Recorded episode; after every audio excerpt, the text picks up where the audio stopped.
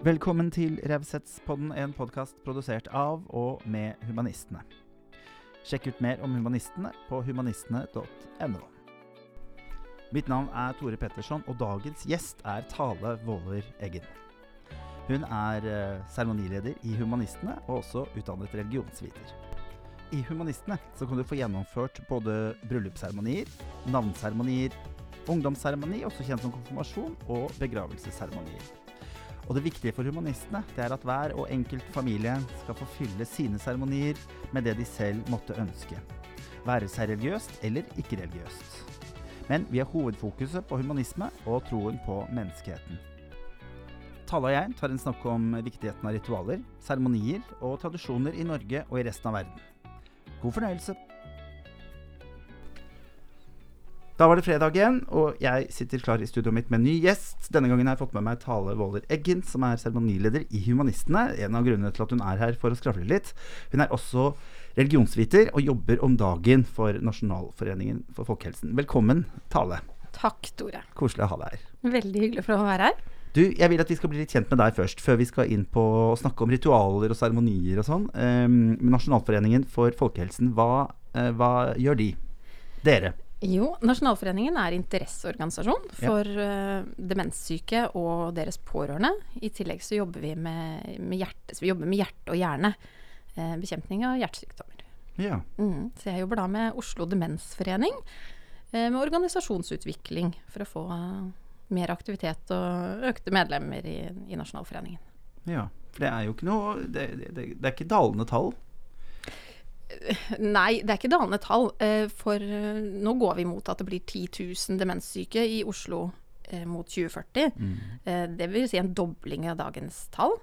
Så det er en ganske kraftig økning. Det er jo litt fordi at vi blir eldre. Vi har klart å bekjempe andre sykdommer som gjør at vi lever lenger, og dermed får vi en økt forekomst av demens. I tillegg så har vi jo en del yngre, altså under 65, som får en, demens, en demensdiagnose. Eh, så det er absolutt utfordringer å, ta tak i og jobbe med i Oslo. Mm. Ja, nei, for det er jo en eh, Nå hadde jeg ikke egentlig tenkt at vi skulle snakke mye om det, men, men det er jo et eller annet interessant uh, med det der, da. Fordi jo mer jeg lærer om det, jo mer forvirra blir jeg. For det fins veldig mange versjoner, veldig mange måter å reagere på demens. Ja, det er veldig mange ulike demenssykdommer. Um, og så påvirker jo de ulike mennesker på ulikt vis. Um, jeg pleier jo å si at personer med demens er jo like ulike som alle oss andre. Så det er jo ikke sånn at har du én type demenssykdom, så, ja, så, er du ganske lik den neste. Um, og det gjør jo at det er vanskelig å tilpasse tilbud, f.eks. Den ene personen, yngre personen med demens med Alzheimer kan ha behov for noe helt annet enn en eldre med frontallapsdemens. Så, så det er noen utfordringer der, både for helsevesenet og for de frivillige organisasjonene som skal møte disse utfordringene som, vi, som kommer. Ja. Det var noen jeg snakket med her om dagen, som skulle eh, begynne med et eller annet musikktilbud mm. Eh, for demens. Liksom fint.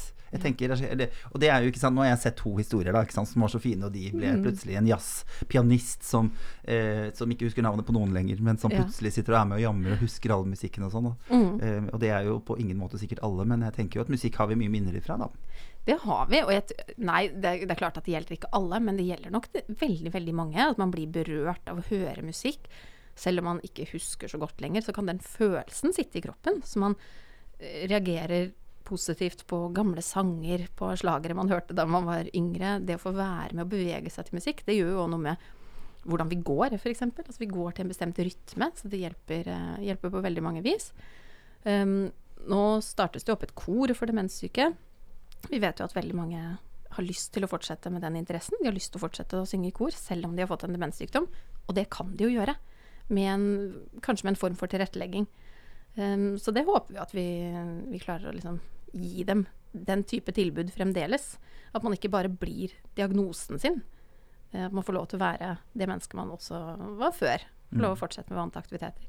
Det er liksom betryggende, da. Man veit jo aldri hvordan fremtida ser ut. Så det er jo fint at det gjøres ting med det. Og det er mye forskning på det, vet jeg. Mm. Eh, Alt ifra noen som mener det er en liten bakterie mm. eh, som setter seg på hjernen osv. Så, mm. videre. så mm. det er jo interessant. Men det er et stort, det er et stort um, mm. lerret å male hvis man skal sette seg inn i hele den. Ja, det men det handler jo mye om eh, ritualer, da, som du mm. har kommet hit for å snakke om i dag. Mm. Og du har jo en mastergrad Mm. eh, i religionsvitenskap og Ja. skrev om eh, eh, Santo Diame. Santo Daime. Daime er det selvfølgelig, Mm. ja.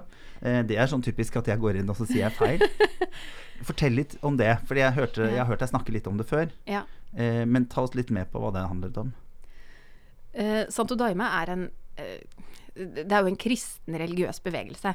Så er det ikke en kristen bevegelse i den forstand at en, en norsk kirkegjenger ville nødvendigvis kjent seg igjen i det. Det er ikke statskirka? Det er ikke statskirka, Nei.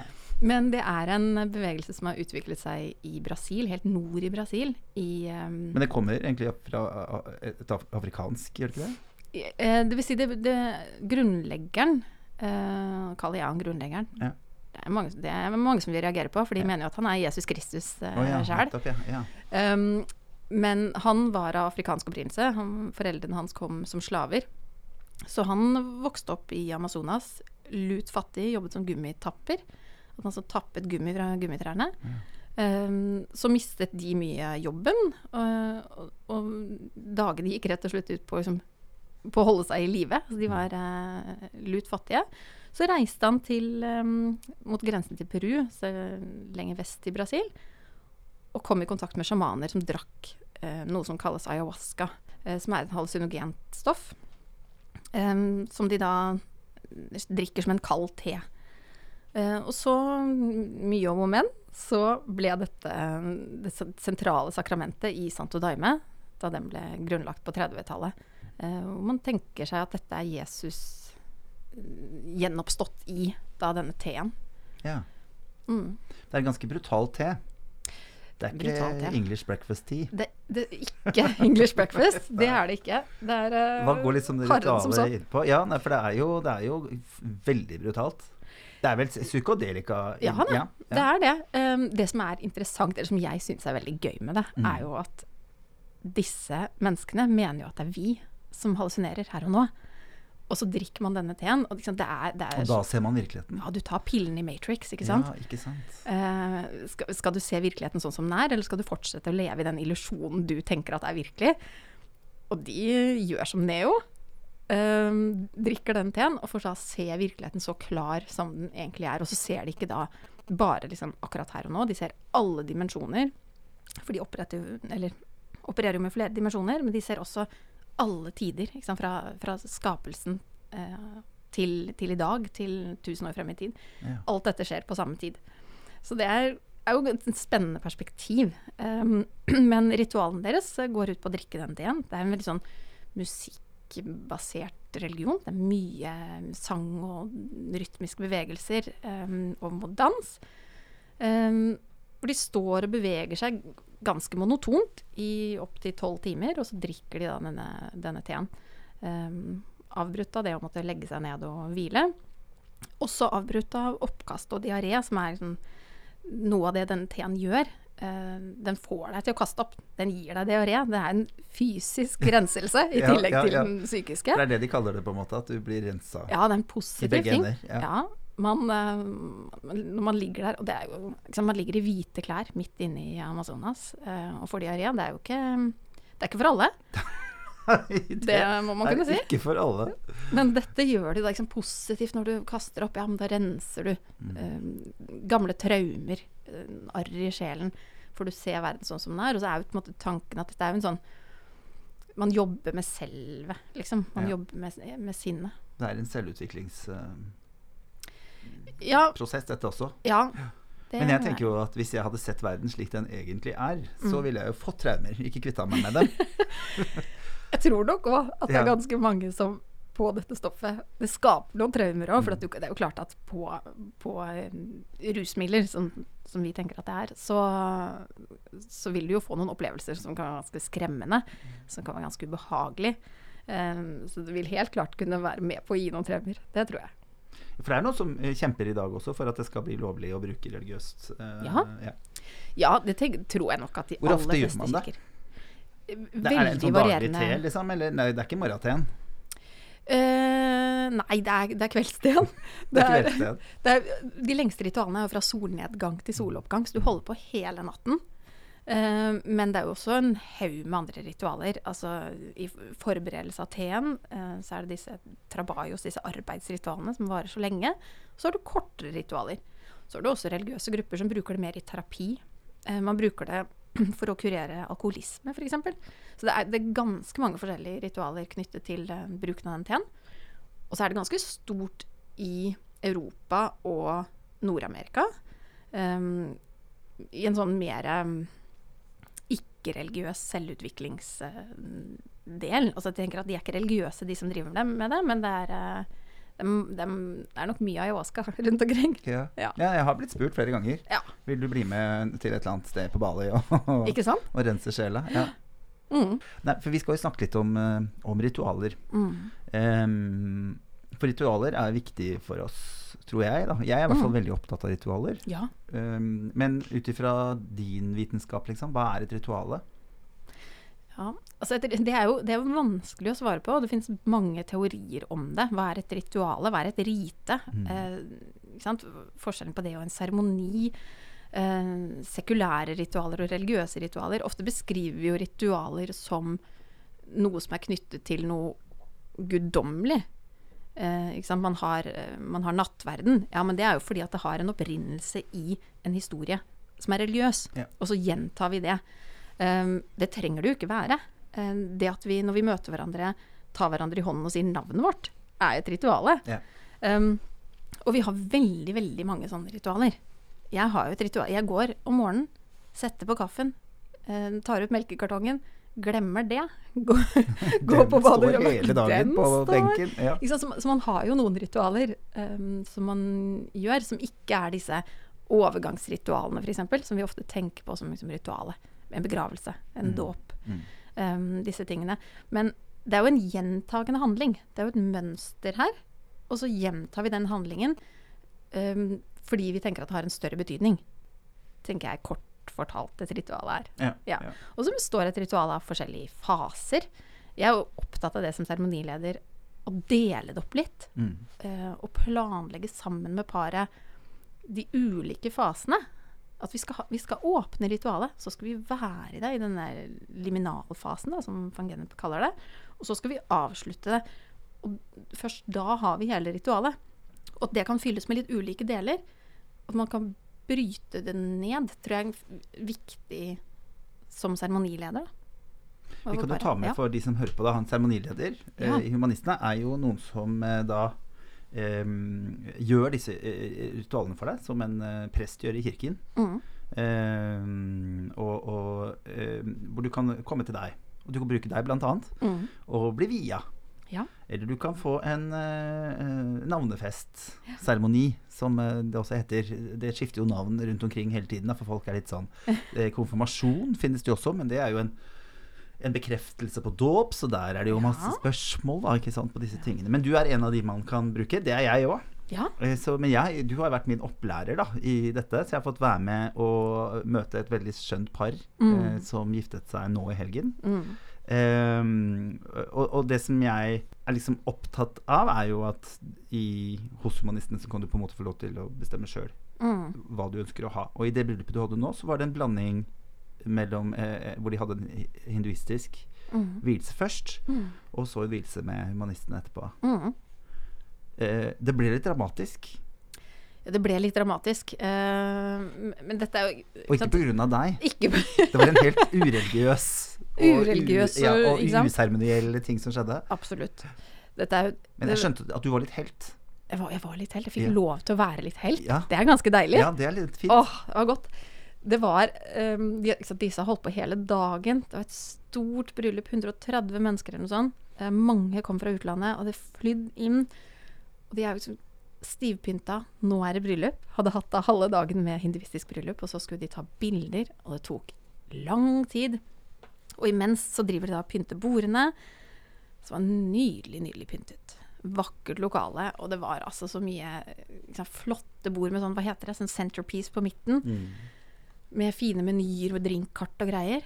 Og så drev de og pyntet, så skulle jeg ta siste kontroll på rommet. At liksom scenen der hvor jeg skulle stå, vi hadde båret opp bord og sånn. At alt skulle se bra ut. Kommer jeg inn i rommet, så ser jeg at det står det ene bordet altså i fyr og flamme. Flammene bare Herregud. står opp, velter over bordpynten og tallerkenene, og jeg bare og så Herre, det var ikke i vilsen, nei. Nei, det var Nei, heldigvis før. Men ikke sant, når en sånn um, drinkmeny som er laminert, Ja. når den begynner å brenne, Mm. da lukter det svidd, Da er er det, det svidd gummi. Ja. Og den smelter jo ned i duken. Mm, selvfølgelig. Og så tenkte jeg da veldig, liksom, veldig raskt Der var jeg på'n. Ja. Tenkte at jeg kan jo ikke nå skrike ut 'det brenner, det brenner'. For jeg står jo helt sikkert brudepar på utsiden. Ja, ikke sant. Gjestene var der. Gjestene Ja, sto på ja, utsiden og liksom, ja. det rett før de skulle komme inn. Så jeg kan jo ikke rope 'brann, brann'. Um, så jeg sånn hviskeropte. Når du får sånn hva 'Kom hjelp!' Når du får en sånn stemme. Så, så jeg rop- hviskeropte så høyt jeg kunne. 'Hjelp meg!' For du kan jo heller ikke ta vannkannen og kaste den over bordet. For der er det jo dekket. Ja, det skal jo reddes. Det, Det skal jo reddes. kan. Mm. Det er mange tanker som går Det er gjennom mange ditt. tanker. Og dette åh, ja. Det sto heldigvis tiden stille litt, da, for meg. Mm. Uh, så jeg fikk tak i hjelp. Jeg tok drinkmenyen. Plasten bare smeltet nedover mot hendene mine. Ja, Vi fikk blåst ut flammene der. Så var det å slukke brannen på bordet, for den hadde jo nå spredd seg til duken, Mm. ikke sant. Um, sånn nydelig damaskduk som Ja. står i fyr og flamme. Det er ikke et artig øyeblikk. Nei, det skjønner. Så da, måtte jeg, da grep jeg noen damaskservietter, kvelte flammene med den, og fikk uh, tilkalt hjelp. Og så måtte vi dekke over dette og pynte over eh, asken. Ja. Ja. Den store dramatikken. Den store dramatikken, da luktet jo selvfølgelig ganske eh, greit i rommet. Så vi måtte mm, Ja, det, mange mennesker jobbet ganske raskt der for å klare å hente inn dette. Ja. Og så tror jeg, jeg tror ikke brudeparet oppdaget det. Nei, Så vi reddet, reddet den i land. Det fantastisk. gikk grei tid før vielsen. Mm. Jeg tror de fikk en kjempedag. Ja, Ja. det kan jeg helt klart se for meg. Hvorfor er medlem av Humanistene? Jeg liker at humanistene er inkluderende. Jeg liker at jeg er med på å stoppe polarisering. De jobber mot urettferdighet. Jeg liker at de er opptatt av miljøet. Jeg liker at de arbeider for menneskeverd, likeverd og for menneskers rettigheter. Bli med i Humanistene du også! Det gjør du enkelt på humanistene.no. Humanistene et rausere samfunn.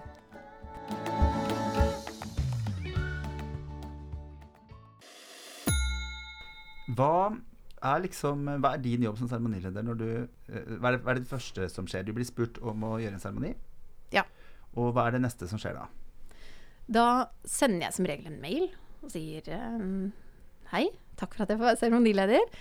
Um, bare for å introdusere meg. Da er det jo ofte lenge til vielsen. Ja. Det, jo, det kan jo ofte være um, et halvt år. Ja. Så da bare introduserer jeg meg og sier at det som skal skje nå, er at vi et eh, Vi setter opp et planleggingsmøte. Det kan, trenger ikke være nå, det kan være en måned før vielsen, men tenk på hvordan dere vil ha det. Da har de jo fått forslag til, eh, til hvordan en humanistisk vielse kan se ut. Som også ligger på nettsidene til eh, humanistene.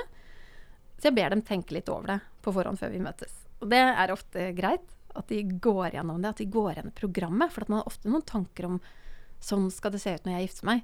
Men det rent praktiske, når skal dette komme i programmet, liksom hele gjennomføringen, Mm. det er det ikke alle som har tenkt like mye på. Og det tenker jeg er litt sånn fint i forberedelsen av et bryllup, å få muligheten til å liksom gå gjennom det. Sånn skal det faktisk være når vi gifter oss. Og det har de ofte gjort til eh, vi kommer til et planleggingsmøte. Da snakker vi mye om detaljer. Eh, nå er jeg veldig detaljfokusert på sånne vielser, og det er litt fordi at eh, jeg har opplevd flere ganger at de, de planlegger hvordan skal vielsen være for meg. Jeg skal stå der med den jeg skal gifte meg med, og så skal vi se på, på meg som vigsler.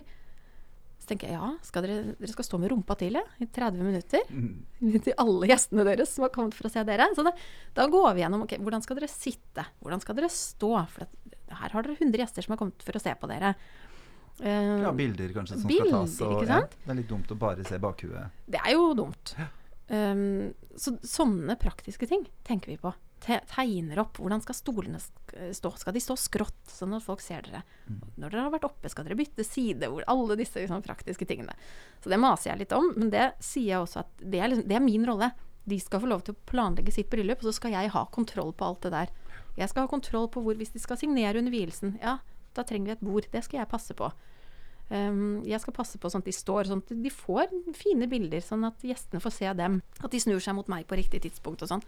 Så den liksom administrative rollen, den tar jeg. Ja. Og så kommer jo selve vielsesbryllupet. liksom, bryllupet. Um, og da er jeg jo en sånn fasilitator. Ofte så blir jeg liksom fokusert på teksten jeg skal lese opp og si navnene riktig og alt det der. Men man er jo en seremonileder. Man leder jo hele greia. Så man skal jo Det er jo ofte jeg som nikker til musikerne og sier 'nå kan dere begynne'. Um, gått gjennom programmet med dem så de vet når de skal spille sanger.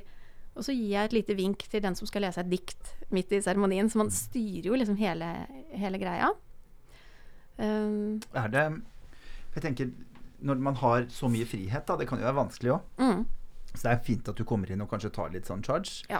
Eh, fordi ja, det er det verste jeg får vite. Vær kreativ. Du får alle mulighetene i hele verden. Ja. Start. Ikke sant? Da blokker jo hjernen din helt. Ja. Det er, du må ha noen spilleregler også, da. Em, men men um, For det, det er en del som har snakket med meg om at uh, det, blir det liksom noe eh, høytidelig da, liksom? Men det er ganske høytidelig. Man kan få det ganske høytidelig, selv om Mm. det ikke er i en kirke og ja, veldig. Ja. Jeg opplever at det er veldig høytidelig. Ja. Um, og, og det gjør samtlige som sitter i rommet. Om det er eh, brudeparet eller eh, gjestene. Mm. tror jeg alle opplever det. eh, at dette er en veldig høytidelig eh, situasjon for alle.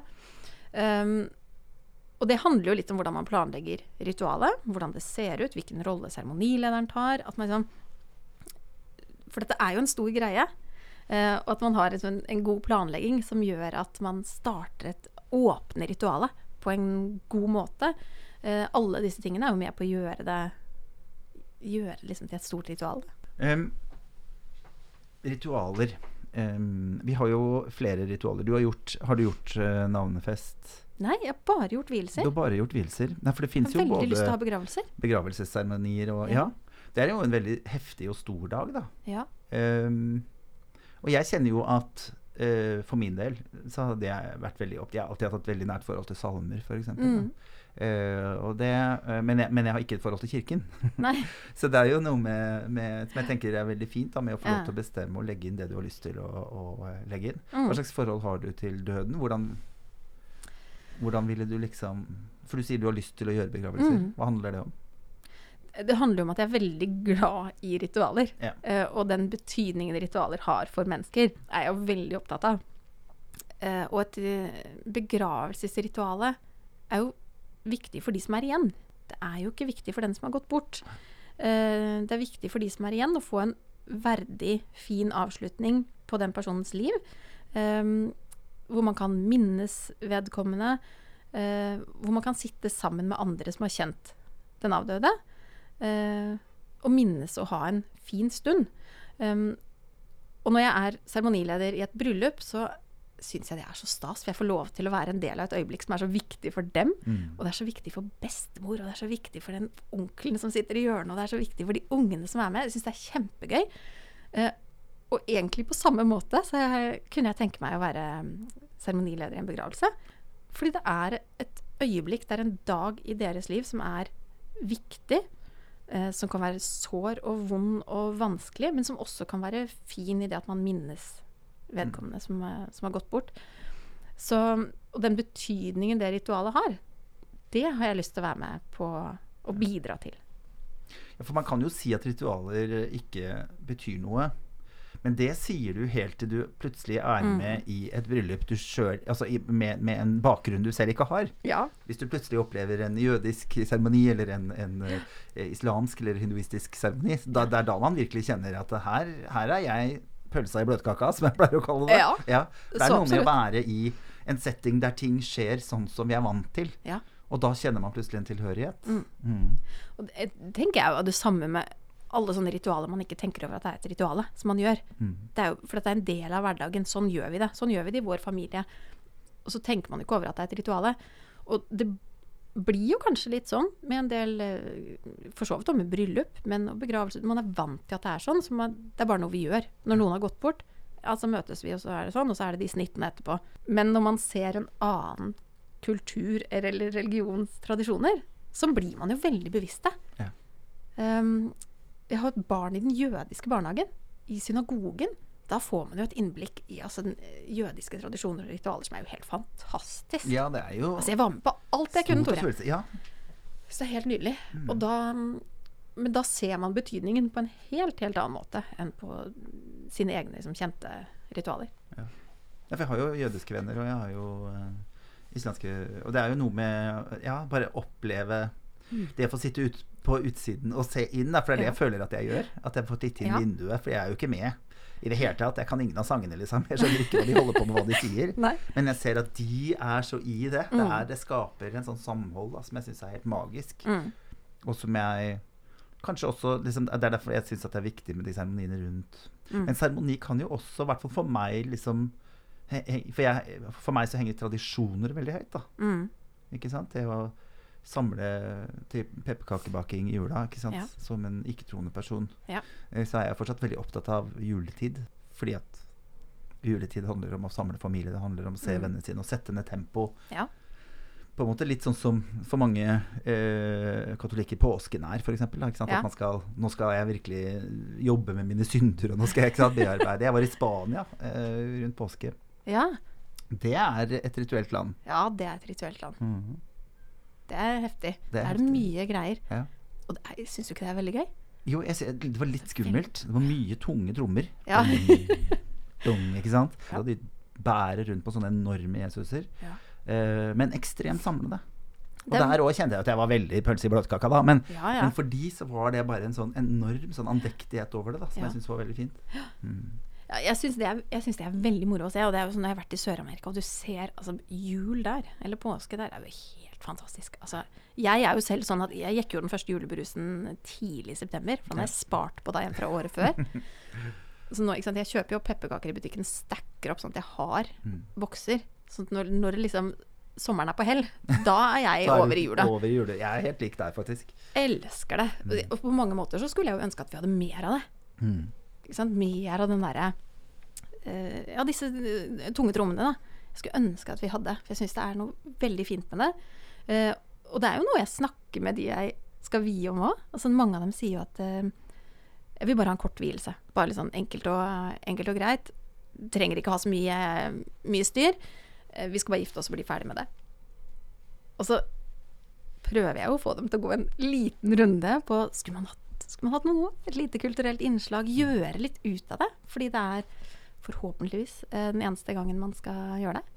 Eh, og det å liksom lage litt eh, greier ut av det ritualet, tror jeg, man, tror jeg veldig mange er glad for at de har gjort. Da. Mm.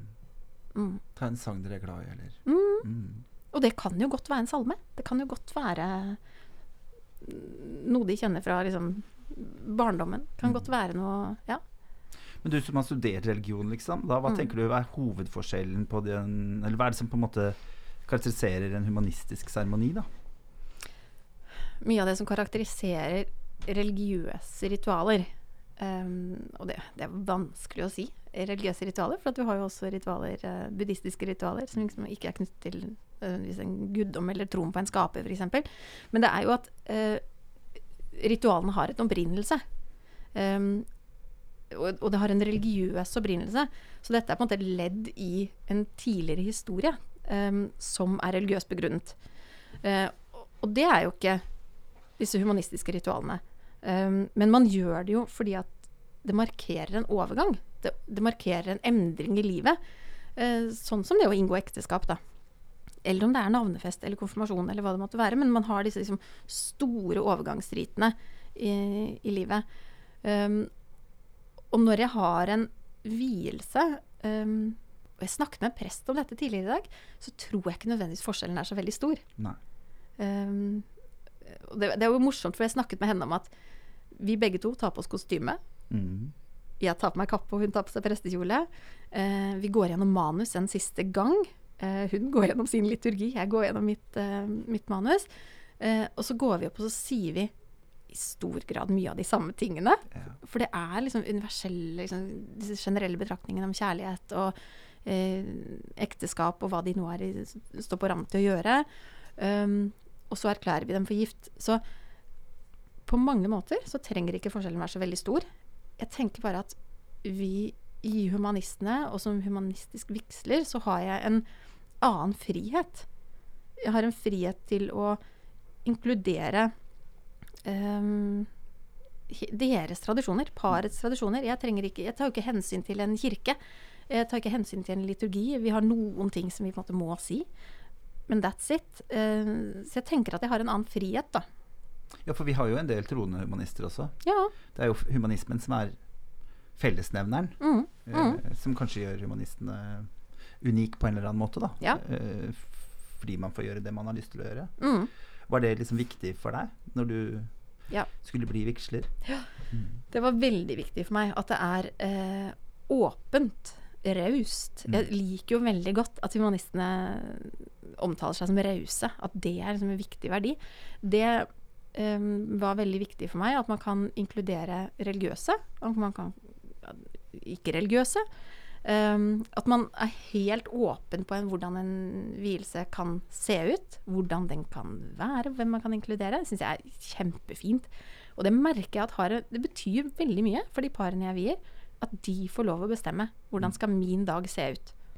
Um, og nå hadde jeg jo da igjen hvor de hadde halve dagen var hinduistisk, og, og så kommer jeg inn og har en mer sånn juridisk vigsel etterpå.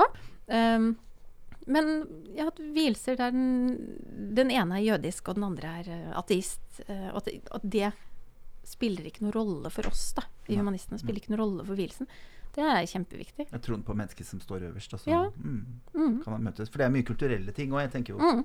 Jeg er jo, som jeg sa, glad i salmer. Det, han, det er jo mer nei, kulturelt betinget enn noe annet for Ikke meg. sant? Jeg, Ja. jeg, har, jeg har vokst opp med disse sangene. Jeg, Mm.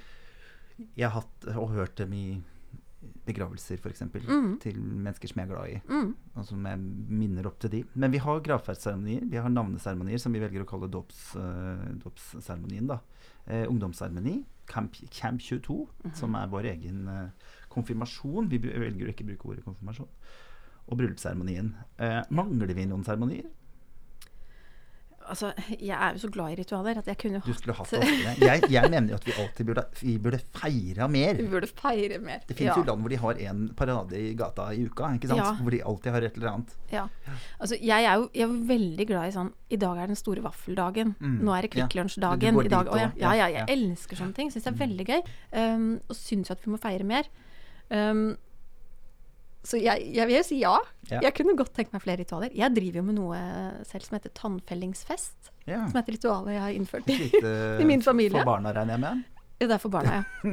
Ja ja, altså det vil si skulle Skulle du bistå en dans, Ja, så hadde det blitt ritualet. Ja. Absolutt. Um, tannfellefesten tror jeg egentlig kommer fra antroposofien. Ja. Uh, ikke sant? Men, og vi har tatt den, for jeg tenker at det er en, det er en stor greie når eh, et barn mister sin første tann.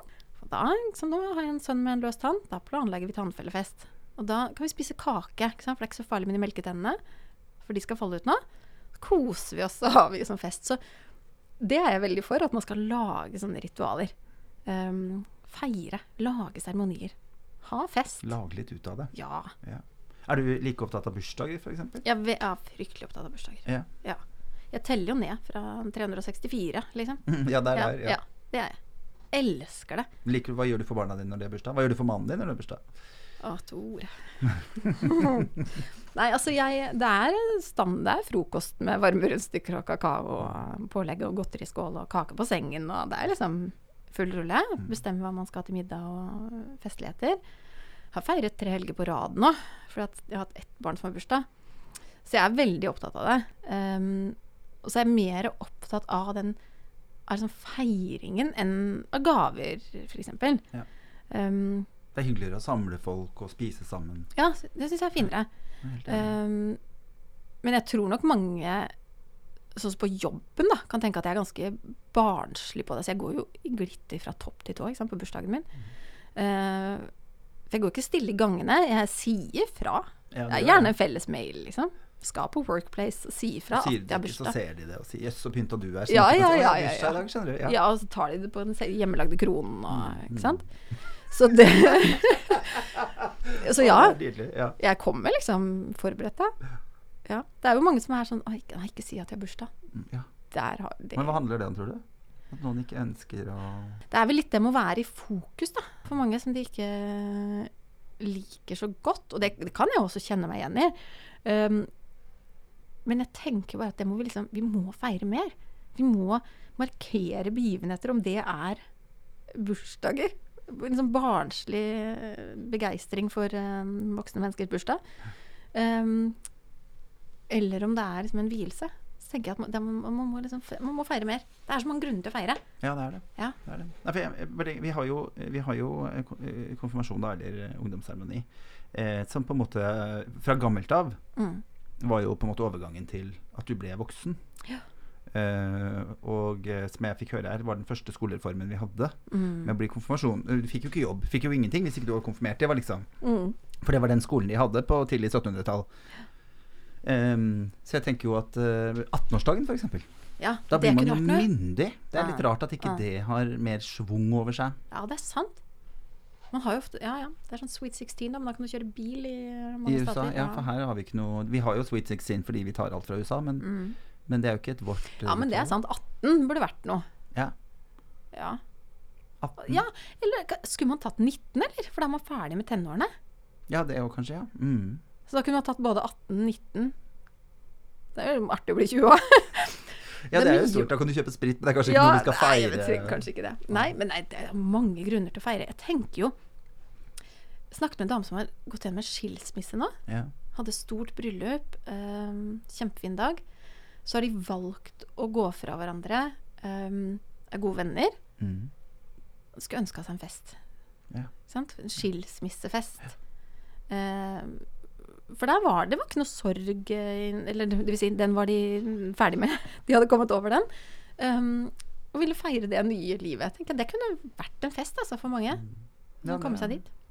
Mm. handler jo om å ta seg sjøl på alvor òg. Ja. Nå gjorde vi noe som var bra valget. for oss. Ja. Ja. Og det å liksom kunne feire det og stå i det, det tenker jeg er, eh, kunne vært en fest, altså. Ja, for noen ritualer jeg kjenner liksom jeg er litt lei av, som jeg kunne tenke meg ikke ha hatt. Det er f.eks. alt som er rundt å få et barn, Ja, det er for mye. som for meg bare handler om at jeg skal bruke masse penger Ja.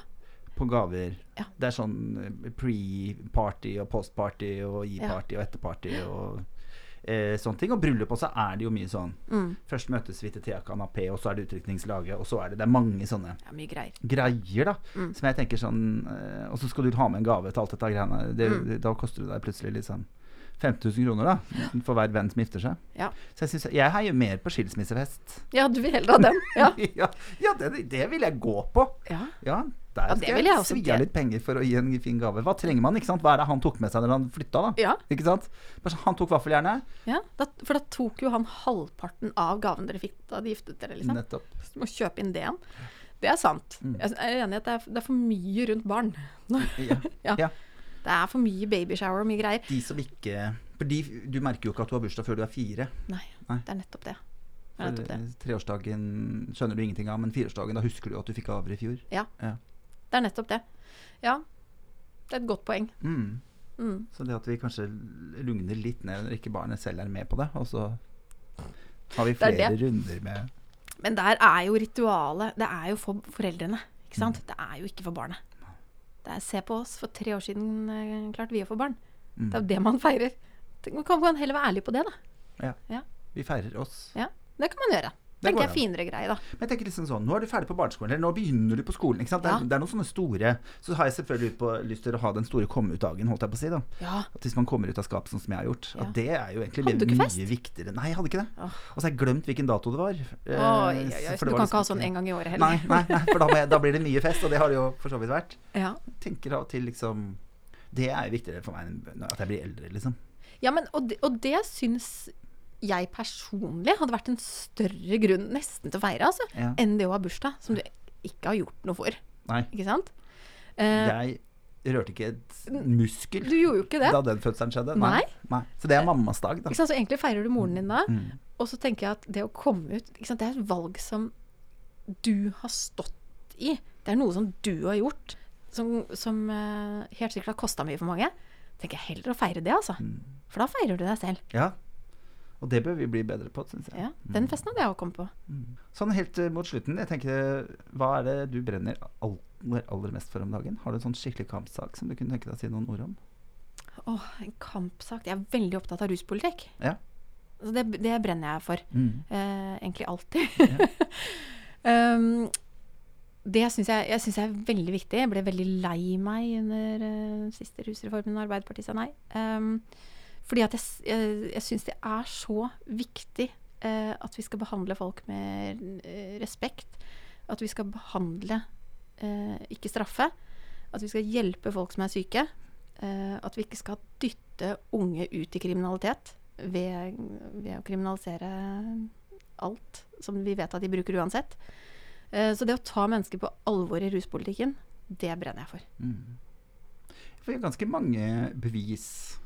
På at lange fengselsstraffer ikke funker, f.eks. Det er jo Mm. ikke sånn at de kommer ut og aldri kommer tilbake. Det er en enorm tilbake, Det er det det er. tilbakefall på, på det. Det er mange som, eh, som faller tilbake. Og så er det jo noe med at når du først presses ut på det illegale markedet, så går det veldig fort til at du prøver noe annet. Eh, at du selger selv for å finansiere, og at du da på en måte rulles inn i et kriminelt nettverk. Um, og så vet vi at dette her gjelder mange av de unge som kanskje sliter i utgangspunktet, som ikke har et nettverk. Så får de et nettverk, et dårlig nettverk. Um, og så får du da en Blir du tatt, så får du en fengselsstraff eller en bot, og så skal du finansiere det. Og, så, og dette syns jeg er synes jeg Ja, jeg engasjerer meg veldig i, Ja. i ruspolitikken. Nei, men jeg, jeg, Mm. jeg skjønner hvor du vil, men jeg tenker jo behandling er uh, uansett et bedre alternativ. Mm. Um, å si, bare for å finne ut av hvor ligger leia, som du sier. Mm. Altså, at de kanskje ikke har et nettverk, at ting i utgangspunktet er vanskelig å oppleve, Mm. ting barn ikke skal oppleve osv. Jeg tenker at For så mange så er det et symptom, og er det, da må vi gå inn og finne grunnen til det. Behandling er en human ruspolitikk, så det er jeg kjempeopptatt av. Fikk jeg sagt det òg? Det, det syns jeg veldig, Ja. det synes jeg er veldig fint. Jeg kan si til lytterne at vi um, har jo seremonier for alle disse tingene. Bryllup, gravferd, alt mulig. Og der Ja. kan dere bl.a. få tale. Ja. Som jeg vet gjør en grundig og godt arbeid eh, i, eh, i side. Jeg skal ha min første i, mai, så jeg gleder meg, Det blir spennende. veldig til det. Ja. Ja. Litt er- nervøs, men jeg er vant til å stå foran folk. Men det er noe, Ja. med, å, det er noe med at uh, Siden jeg er så opptatt av ritualer, jeg også, ikke sant? Ja. at jeg vil at det skal være litt uh, høytidsstemt på en eller annen måte. Så man blir jo så opptatt av at det skal være en fin dag for de som gifter seg. Ja. Man blir jo så opptatt av at de skal ha det bra. Så jeg vil jo bare liksom tilrettelegge og gjøre alt sånn at de kjenner at å ja, dette ble vår dag. Mm. Herlig. Vi har en rosa skål. Ja. Den skal du få lov å trekke litt på. Av. Av. Ok. Eh, der ligger det sånn litt ord og litt uh, forskjellig. Så kan ta hvem du vil. Og så vil jeg bare, når du leser det som står der, skal du bare si det første som faller ned i hodet på deg. Skal jeg lese hva som står da? Ja. Vi skal forsvare retten til å være ulike. Ja.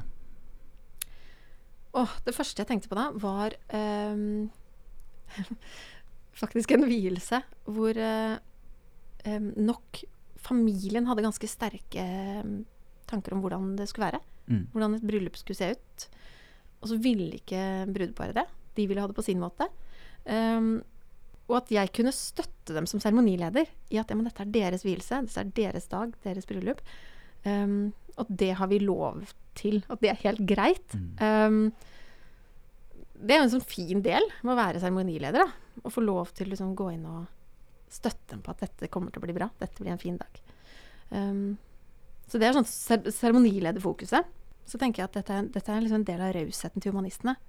At man skal ikke bare liksom Man skal aktivt forsvare den retten til at man, eh, man er ulike. Tenker jeg med humanistenes deltakelse i 8. mars-toget nå.